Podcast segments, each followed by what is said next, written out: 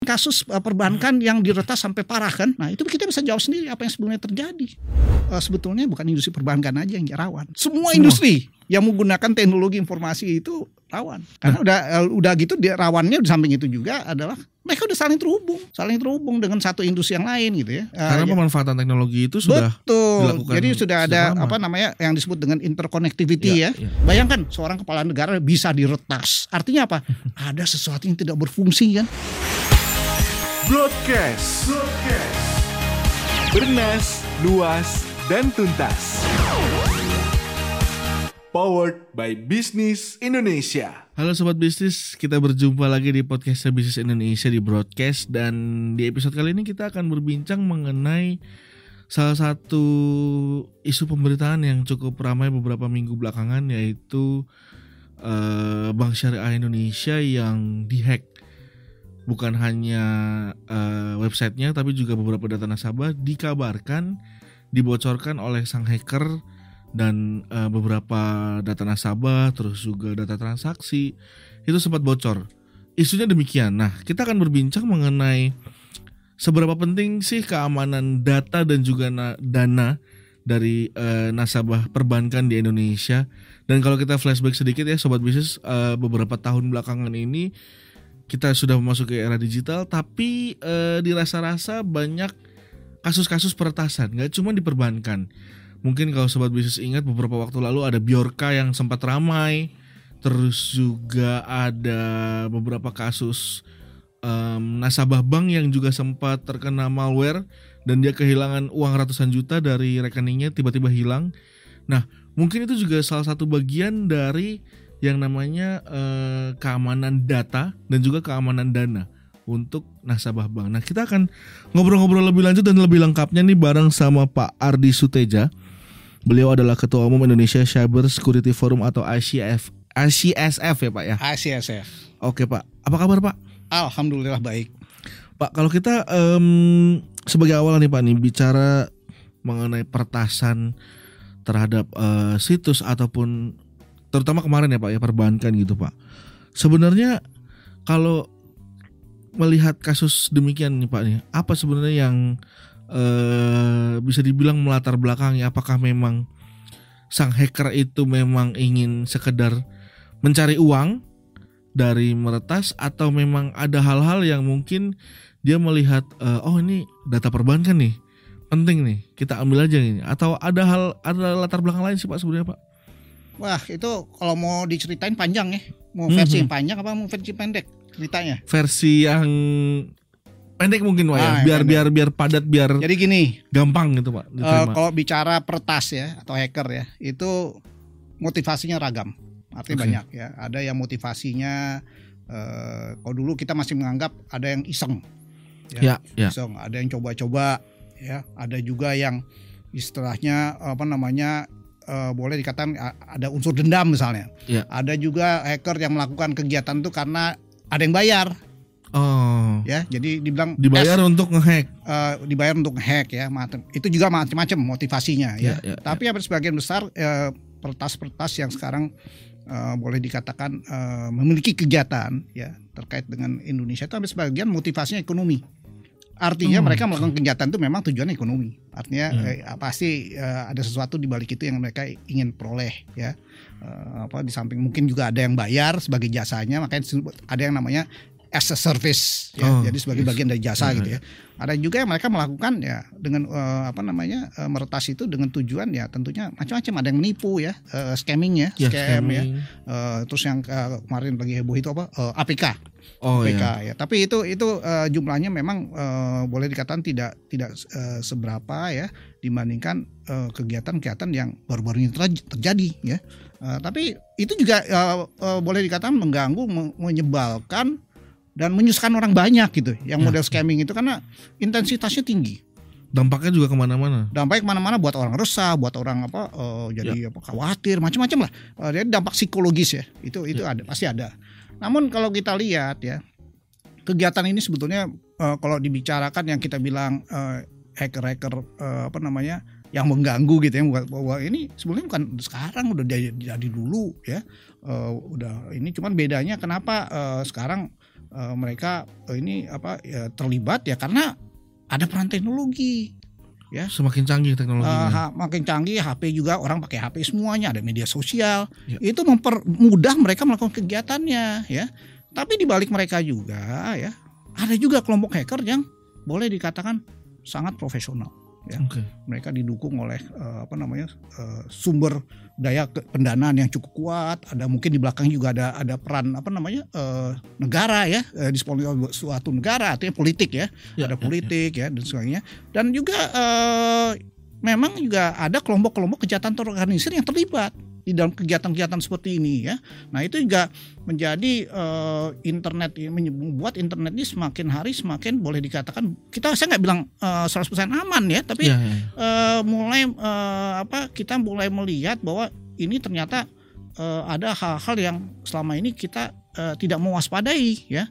Ibaratnya uh, kita ini uh, apa hanya mau menikmati uh, manfaat ya, uh, terus apa namanya kecanggihan teknologi di internet. Praktisnya aja. Tapi kita lupa kita ya. memasuki sebuah hutan belantara yang lebat, isinya predator banyak. Nah itu kita lupa. Dan udah gitu predator kita nggak kenal lagi satupun. Nah itu ya, itu keadaan yang yang dihadapi oleh uh, sebagian besar masyarakat di dunia itu seperti itu. Artinya ketika kita masuk ke dunia digital sekarang ini Pak nih, eh, terutama untuk keamanan perbankan Pak, apakah ibaratnya eh, keamanan digital itu sendiri masih belum jadi prioritas, Pak. Begini ya, di eh, di industri yang namanya financial service industry FSI ya atau kalau di gini banyak yang disebut industri keuangan atau perbankan ya. Sebetulnya um, tata kelolanya terkait dengan masalah keamanan cyber ya ketahanan cyber itu relatif lebih baik. Ya. Sudah jauh lebih baik dibanding sebelumnya. Uh, aturan mainnya juga sangat ketat. Okay. Ya Okay. Uh, eh, namun juga biasa uh, ini kan harus ngikutin perkembangan zaman. Ya, ya, ya. Seringkali yang namanya regulasi itu tertinggal. Oh, ya, dan kita tahu yang nama, okay. nama namanya teknologi itu kan berkembang pesat ya. Seringkali ya, teknologi nggak ya. ngikut ya. gitu. Uh, di samping teknologi juga kemampuan SDM yang membuat kebijakan juga sering kali tidak update ya, ya tidak ya. ngikutin uh, apa modus-modus kejahatan ya, uh, faktor resiko-resiko ya. Dan sebetulnya ya itu yang saya selalu katakan kita nih lupa kita sebenarnya masuk era digital itu bukan sekarang tahun 76 kita udah masuk era digital digital tahun 76 ketika kita masuk e, meluncurkan satelit kita pertama.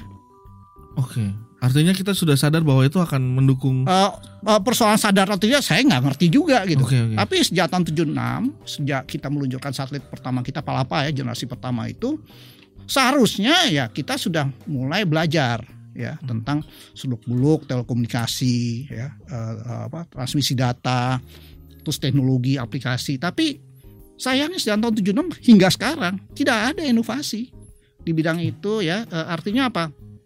Uh, pada akhirnya kita uh, menjadi konsumen digital. Kita tahunya hanya beli sesuatu yang bukan ciptaan kita dan kita hanya menggunakan. Ini yang jadi masalah sekarang. Nah sadar atau tidak saya nggak juga nggak ngerti. Oke. Okay, gitu. Nah kemudian ketika kita nih masyarakat sebagai uh, nasabah perbankan tuh pak, selama ini kan kita menikmati fasilitas-fasilitas gitu ya, menggunakan uh, mobile banking dan lain sebagainya itu. Padahal di balik itu semua banyak yang tadi bapak bilang, kita masuk ke dalam hutan belantara gitu pak, yang di dalamnya kita sendiri nggak tahu. Nah, ketika kita masyarakat masuk dan terlibat, artinya uh, kita seharusnya sebagai masyarakat juga punya hak untuk dilindungi ya Pak ya, diproteksi oleh perbankan itu sendiri. Nah sejauh mana Pak e, dari perbankan itu sendiri memahami kalau misalkan data nasabah dan data nasabah itu segalanya gitu Pak ibaratnya. Nah inilah yang saya bilang ya, apa saya juga berkali e, ngobrol sama teman-teman ini juga kadang-kadang e, apa kita ini kan sebagai subjek ya, subjek daripada apa industri salah satunya perbankan ya. Jadi kita juga punya hak artinya apa namanya hak asasi kita juga seharusnya mereka juga pahami dan uh, mematuhi dan menghormati. Nah, saya nggak tahu apakah mereka juga memahami ya, karena nggak ada nasabah nggak ada perbankan kan? Ya betul. Jadi kita ada semacam saling ketergantungan. Nah, ini mereka lupa gitu karena semua pada mengejar uh, omset ya, uh, volume transaksi ya, terus KPI ya, ya key ya, lupa bahwa uh, nasabahnya juga adalah manusia ya yang uh, punya hak dan harus dilindungi. Nah, ini, ini prinsip yang sangat mendasar. Nah, sehingga uh, apa namanya uh, ini juga saya nggak tahu apakah ini juga menjadi apa semacam uh, apa uh, hal yang sudah dibenamkan ya di dalam hati dan uh, pikiran apa uh, teman-teman di industri industri dan regulator ya bahwa ini seharusnya kita udah harus apa menempatkan posisi nasabah harus di itu di depan gitu. Ya. Nah ini juga menjadi persoalan dan diskusi hangat ya yang sekarang berkembang ya. Tapi kembali lagi saya koreksi dikit ya, yang terjadi eh, belakangan ini bukan sebetulnya memang meledaknya di industri perbankan ya okay. eh, kasus. Tapi eh, sebetulnya bukan industri perbankan aja yang rawan. Semua, Semua industri yang menggunakan teknologi informasi itu rawan. Oke. Okay. Karena nah. udah eh, udah gitu dia rawannya di samping itu juga adalah mereka udah saling terhubung. Hmm saling terhubung dengan satu industri yang lain gitu ya. Karena uh, pemanfaatan teknologi itu sudah betul. Dilakukan Jadi sudah ada lama. apa namanya yang disebut dengan interconnectivity ya. ya. ya. Uh, dengan misalnya perbankan perlu listrik ya tentunya dengan jaringan uh, apa perusahaan listrik negara ya. ya. Terus samping itu apa uh, di samping perbankan uh, apa uh, misalnya industri uh, layanan kesehatan juga terhubung dengan listrik kan, listrik hubungan dengan industri keuangan. Jadi udah saling ter terhubung. Nah, ini ya yang uh, apa sebetulnya kerawanan-kerawanan ini yang harus disadari bahwa satu kena akan berdampak pada yang lain. Nah sejauh ini uh, Bapak melihat nih Pak untuk uh, keamanan uh, siber sendiri di Indonesia baik perbankan maupun industri lain sudah sejauh mana sih Pak? Nah itu kan saya bilang tahun 76 kita punya satelit ya meluncurkan satelit kita kelola satelit komersial dan Indonesia hebat loh tahun 76 itu sudah jadi negara ketiga di dunia ya okay. yang mengelola satelit komersial sendiri setelah Amerika dan Kanada. Nah sekarang kita jadi konsumen digital ya. Artinya apa? Apakah kita belajar dari pengalaman orang lain? Apakah kita belajar dari uh, awal kita memasuki era digital? Nah itu saya nggak bisa jawab. Artinya kalau sekarang kita berhadapan dengan masalah ada sesuatu yang kita tidak pernah menyadari tidak pernah belajar dari pengalaman sebelumnya hingga sekarang. Artinya ada hal-hal yang seharusnya itu jadi pembelajaran dan diperbaiki terus menerus dan jauh lebih baik ya pak ya?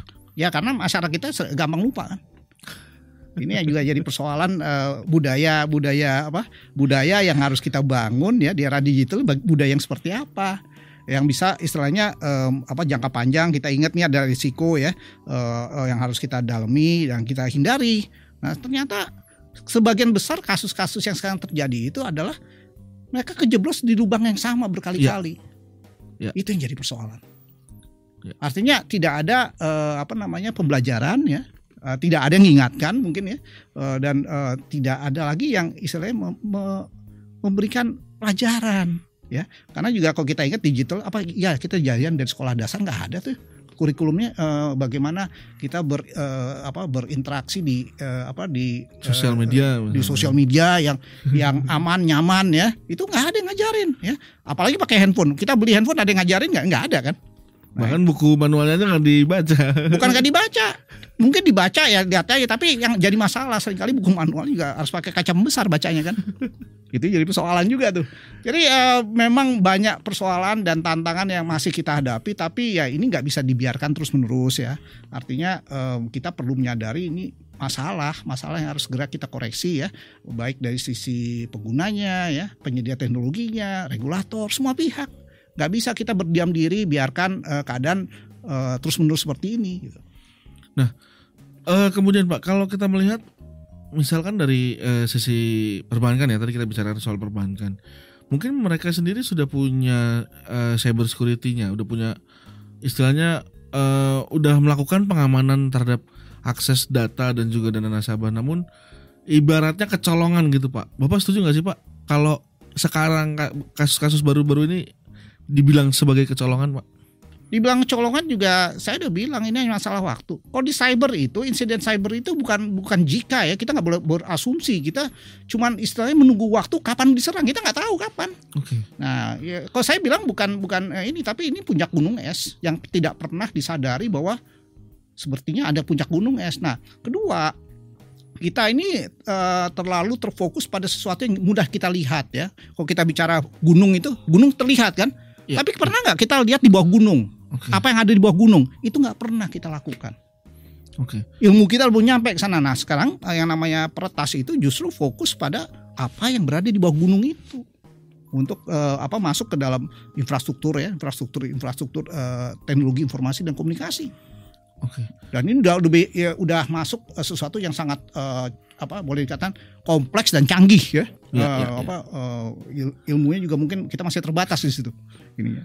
Tapi sejauh ini Pak uh, dari yang uh, pengalaman Bapak sendiri untuk mengantisipasi dari serangan hacker itu uh, Indonesia sudah ada orang-orangnya SDM-nya dari segi SDM-nya sudah mampu atau masih perlu banyak belajar kah dari luar negeri atau seperti apa sih Pak gambarannya Pak untuk ya, SDM sendiri apa ya? Bicara SDM ya kita tidak berbeda dengan negara-negara lain. Masalah okay. SDM itu ada krisis global. Okay. SDM di bidang keamanan cyber itu adalah eh, sesuatu yang boleh dikatakan dialami hampir semua negara di dunia. Kita juga apa eh, bayangkan kok eh, Amerika saja sudah kesulitan, lantas kita di mana gitu kan nggak mm -hmm. ini ya. Itu yang kedua juga orang yang mendalami ya berminat punya komitmen di bidang ini sangat terbatas ya apalagi yang punya pengalaman lima tahun ya secara operasional secara praktis di industri ini sangat sedikit kebanyakan ya itu apa namanya bukan mohon maaf ya ini yang ada itu ya yang e, ibaratnya tukang yang kalau di kita kan e, kita ada tukang itu semuanya bisa gitu. Kita nggak tahu hmm, kualitasnya okay. bagus ya. Nggak usah contoh apa orang masang kabel ya yang penting anggap pasang kan kabelnya itu uh, jungkir Rapi balik ya, ini ya, kita nggak tahu walau alam kan. Nah itu yang ada seperti itu sekarang yang kita hadapi. Tapi yang punya uh, kemampuan analitis, analytical ya, kemampuan antisipatif, melihat persoalan itu dari apa uh, sudut pandang lebih tinggi misalnya dari helikopter gitu ya. Nah itu terbatas kan. Apalagi kita bicara uh, leadership ya daripada hmm, sebuah hmm. organisasi lembaga itu ada nggak yang mampu melihat persoalan yang mereka hadapi di era digital? Tidak semua. Nah ini juga jadi masalah besar di kita. Jadi kemampuan manajemen ya melihat persoalan persoalan yang dihadapi eh, dengan uh, transformasi digital ini tidak banyak yang mampu melihat itu dari sudut ketinggian. Oke, artinya ketika kita melihat uh, beberapa kasus peretasan yang terjadi di Indonesia, terus juga melihat SDM di Indonesia sendiri sedemikian rupa, apa yang kemudian langkah strategis yang harus dilakukan pemerintah Pak untuk ke depannya hal seperti ini nggak terjadi lagi Pak? Rasanya uh, kita masih jauh ya. Kalau bicara okay. pemerintah, pemerintah juga boleh dikatakan kita baru punya inisiatif berpikir bahwa kita perlu adanya lembaga pengamanan uh, data ya, uh, cyber waktu itu ya. Itu kan baru ketika uh, kita punya kepala negara itu diretas. Oke. Okay. Nah itu juga jadi puncak gunung es. Bayangkan seorang kepala negara bisa diretas. Artinya apa? Ada sesuatu yang tidak berfungsi kan? Padahal presiden ya pada saat itu sudah dikelilingi lembaga-lembaga eh, apa yang seharusnya melindungi beliau, termasuk lembaga yang melindungi dari masalah serangan cyber ya, penyadapan. Tapi presiden masih bisa disadap. Bayangkan, itu simbol negara paling tinggi itu. Tapi masih diretas. Nah, sekarang ada lagi kemarin kasus eh, perbankan yang diretas sampai parah kan? Nah, itu kita bisa jawab sendiri apa yang sebelumnya terjadi. Artinya ada instrumen-instrumen perlindungan yang tidak berfungsi dan tidak berjalan ya karena sebab-sebab itu yang tadi saya sebutkan. Uh, tidak tidak uh, apa tidak uh, memiliki kemampuan untuk melihat persoalan lebih dalam ya lebih taktis ya strategis ya. Strategis dalam arti penyelesaiannya jalan keluarnya. Nah, ini menjadi persoalan tersendiri buat kita ya. Dan uh, kita mungkin akan mengalami uh, menghadapi krisis-krisis berikutnya kita tidak tahu kapan akan akan muncul. Karena namanya serangan cyber itu bukan bukan kita bilang besok uh, apa uh, sekarang kita nggak tahu kapan tiba-tiba akan nyerang kita. Oke. Nah lalu pak uh, kalau misalkan kita bilang um, banyak hal yang kompleks ya ibaratnya tadi ya bapak sebutkan tadi ya ada uh, SDM-nya sedemikian rupa terus juga kondisinya juga masih cukup apa ya ibaratnya kita masih belum bisa belajar dari peristiwa peristiwa-peristiwa yang lalu lalu kemudian apa yang harus kita lakukan? Kami lakukan sebagai nasabah misalkan nasabah perbankan terus juga uh, user pengguna dari berbagai macam uh, perusahaan-perusahaan dan juga aplikasi-aplikasi. Kita kan juga di gadget ada banyak tuh pak aplikasi-aplikasi yang tentunya tiap hari namanya aplikasi. dari mana-mana bisa masuk. dan kita hobinya kan ngunduh unduh iya. uh, banyak-banyak uh, aplikasi padahal sebelumnya kita nggak perlu kan. Iya. Nah itu juga buat masalah baru itu. Nah kemudian apa yang mesti kita lakukan pak sebagai yang jelas user, gini pak? ya um, kita harus mulai melihat uh, masalahnya di mana. Yang jelas itu di sisi manusia. Ya di sisi manusia itu perlu adanya semacam perlindungan apa uh, pendidikan ya.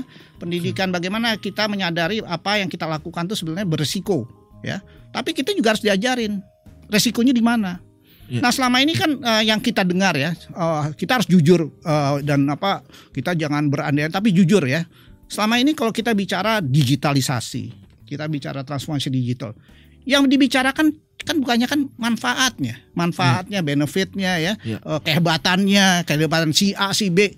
Ada nggak yang pernah bicara tentang resiko nah. kepada masyarakat? Tidak ada. Mitigasi resikonya ya pak. Bukan, bukan kalau udah bicara risiko artinya juga termasuk penyelesaiannya. Penyelesaiannya, ya. okay. Tapi tidak ada yang pernah mengajari itu kan. Dari 10 orang yang bicara tentang hebatnya teknologi nggak ada yang bicara tentang risiko.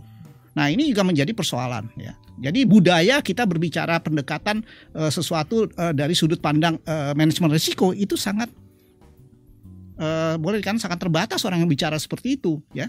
Nah ini juga perlu kita sadari. Makanya tadi saya bilang ini kita masuk hutan belantara yang sangat uh, lebat isinya predator. Nah ini kita harus sadari itu dulu. Jadi ya. dari sisi SDM-nya itu kita harus menyadari SDM itu bukan hanya pelaku industri ya, tapi juga pengguna. Ya. ya dari masyarakat. Ini juga harus tahu. Jangan kita tahunya tekan tombol mikirnya belakangan. Kalau udah kepala ke, apa kebentur gitu baru mikir kan. Ini nggak bisa begini harus dihentikan. Artinya kita harus rubah juga cara pandang kita. Ya kita harus rubah juga cara uh, budaya digital kita. Ini harus dimulai gerakan-gerakan ini baik dari masyarakat dari sekolah-sekolah dasar ya e, boleh ini harus dimasyaratkan. Sadar digital itu sadar e, sadar keamanan digital itu harus segera dimulai. Kita walaupun terlambat tapi tetap harus. Karena apa?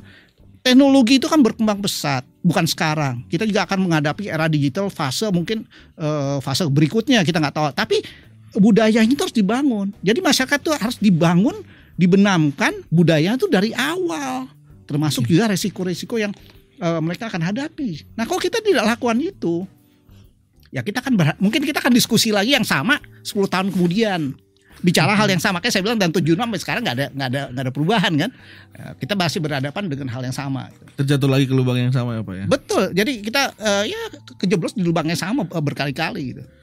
Artinya uh, kesadaran ini juga nggak nggak hanya uh, kita menuntut pemerintah ataupun regulator ataupun uh, penyelenggara, bisa. tapi Gak dari bisa. kita sendiri juga harus Jadi sadar. Uh, masalah uh, keamanan di era digital ya keamanan dan ketahanan ya era digital ini tidak bisa dipasang pada satu kelompok satu organisasi. Okay. Ini kita sebagai pengguna adalah bagian dari yang disebut namanya multi stakeholder.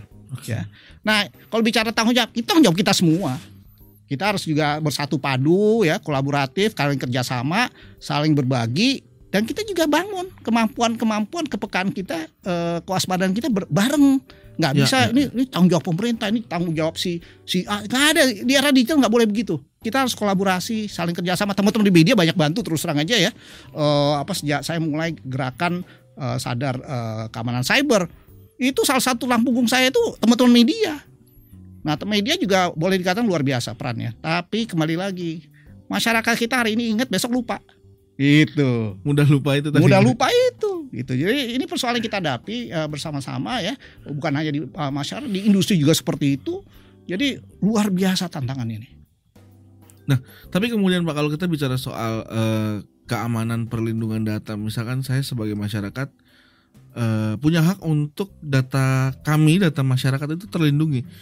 Tapi ternyata selama ini sejauh ini mungkin uh, ya nggak terlindungi banget pak. Kenyataannya kan karena uh, banyak banyak kasus-kasus kebocoran data dan lain sebagainya. Bapak melihatnya seperti apa itu pak? Jadi sadarnya baru sekarang kan? Ya padahal data udah bocor dari kapan-kapan kan? Sekarang aja kalau kita apa dulu. karena isunya baru sekarang nah, dihembuskan tapi juga ya, terlambat ya, udah terlambat iya. kan? Datanya udah bocor udah ke mana-mana. Nah yang harus kita sadari ya data kebocoran data data yang dicuri data yang disalin itu kan fragmented yeah. macam-macam. Ada data kependudukan ada data dari apa eh, terkait dengan apa namanya uh, di perbankan ini yang bahayanya apa? Kalau data itu dikumpulkan dirangkai jadi satu data tentang orang artinya apa? Orang yang menguasai data itu lebih tahu tentang diri kita ketimbang diri kita sendiri. Yeah. itu bahayanya. Dan itu bisa disalahgunakan. Bisa orang itu mengambil alih identitas kita. Nah, kita ngerti nggak hal-hal seperti itu? Bahwa kecerobohan kita tuh berimbas pada uh, apa membahayakan diri kita sendiri. Itu sudah berlangsung lama. Artinya kita menjual diri tapi nggak pernah dibayar. kita jual diri benar, jual diri orang minta ini kita kasih ya. Terus apa? Uh, minta dong fotokopinya Mas Ganang. WhatsApp foto kirim.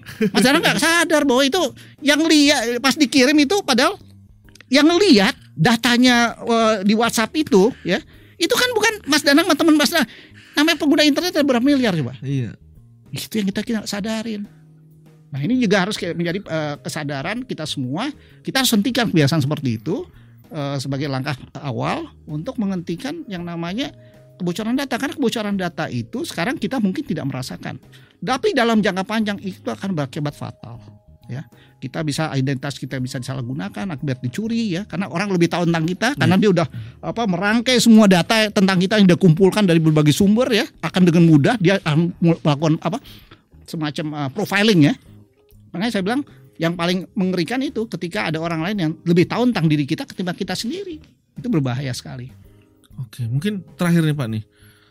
Apa pesan Bapak untuk uh, masyarakat terus juga regulator dan juga pemerintah supaya harapan kami sih ke depannya kasus-kasus uh, peretasan ini tidak terulang lagi. Mungkin uh, juga masyarakat lebih aware juga terhadap uh, keamanan cyber itu sendiri gitu Pak uh, kalau kita menghentikan itu tidak mungkin ya tidak mungkin karena setiap ada perkembangan teknologi yang masif ya, ya, uh, ya. sangat cepat itu pasti juga diikuti dibarengin dengan uh, pelaku-pelaku kejahatan okay. ya akan beraktivitas di teknologi atau apa uh, yang yang berkembang itu nah namun kita yang harus bisa kita lakukan masyarakat itu juga sekarang harus mulai menyadari ya sesuatu yang kita tidak mengenal sesuatu yang asing bagi kita seharusnya kita juga di dalam diri kita juga harus bisa mewaspadai ya kembali lagi tadi kita masuki hutan belantara yang sangat lebat ya isinya predator. Nah itulah yang kita hadapi sekarang itu seperti itu. Nah kita harus menyadarkan mereka ya. Jangan lagi uh, apa memulai kebiasaan kayak sekarang apa nyari jodoh di media sosial. Aduh ampun deh. Itu juga uh, buat saya sih lucu aja ya. Ada orang kok uh, nyari jodoh di media sosial nggak pernah temu muka ya. Uh, apa tapi yang yang depan matanya nggak pernah diurusin gitu ya. Ini lucu gitu. Jadi ini hal ini harus mulai sadari bahwa uh, memang indah teknologi itu nyaman ya memudahkan segala tapi juga resikonya pun ada di situ. Nah itu yang sebaiknya kita mulai belajar dan tidak ada kata terlambat uh, buat nggak tidak ada batas umur Mari kita belajar tentang teknologi digital, manfaatnya dan resikonya. Supaya tidak jatuh ke lubang yang sama lagi. Supaya tidak jatuh ke lubang sama dan ini berlaku bukan hanya masyarakat tapi juga di industri ya, di pelaku industri ya, mereka yang banyak mengkonsumsi membeli teknologi ya, itu juga berlaku. Apalagi sekarang kita berhadapan macam-macam teknologi kan sekarang ada IoT ya, eh, ada artificial intelligence. Iya, sekarang apa yang lagi ramai itu chat GPT. Chat GPT kita ngerti nggak tentang teknologi itu? Kita cuma tahunya pakai aja kan. Tapi di balik itu, di balik teknologi kita nggak ngerti itu apa isinya apalagi resikonya. Itu kita harus mulai dalemin. Jangan kita rame-rame FOMO uh, hentikan apa namanya uh, kita sebagai penganut sindrom FOMO ya. Fear of missing out. Nah itu itu itu itu hentikan. Itu bukan orang Indonesia tuh begitu tuh. Uh, apa udah harus mulai dihentikan dan kita mulai sindrom baru namanya apa? Mari kita bersama-sama memulai uh, apa gerakan bersama ya semua masyarakat ya. Itu yang sadar tentang keamanan cyber Gitu. Oke, terima kasih banyak Pak untuk ngobrol-ngobrolnya.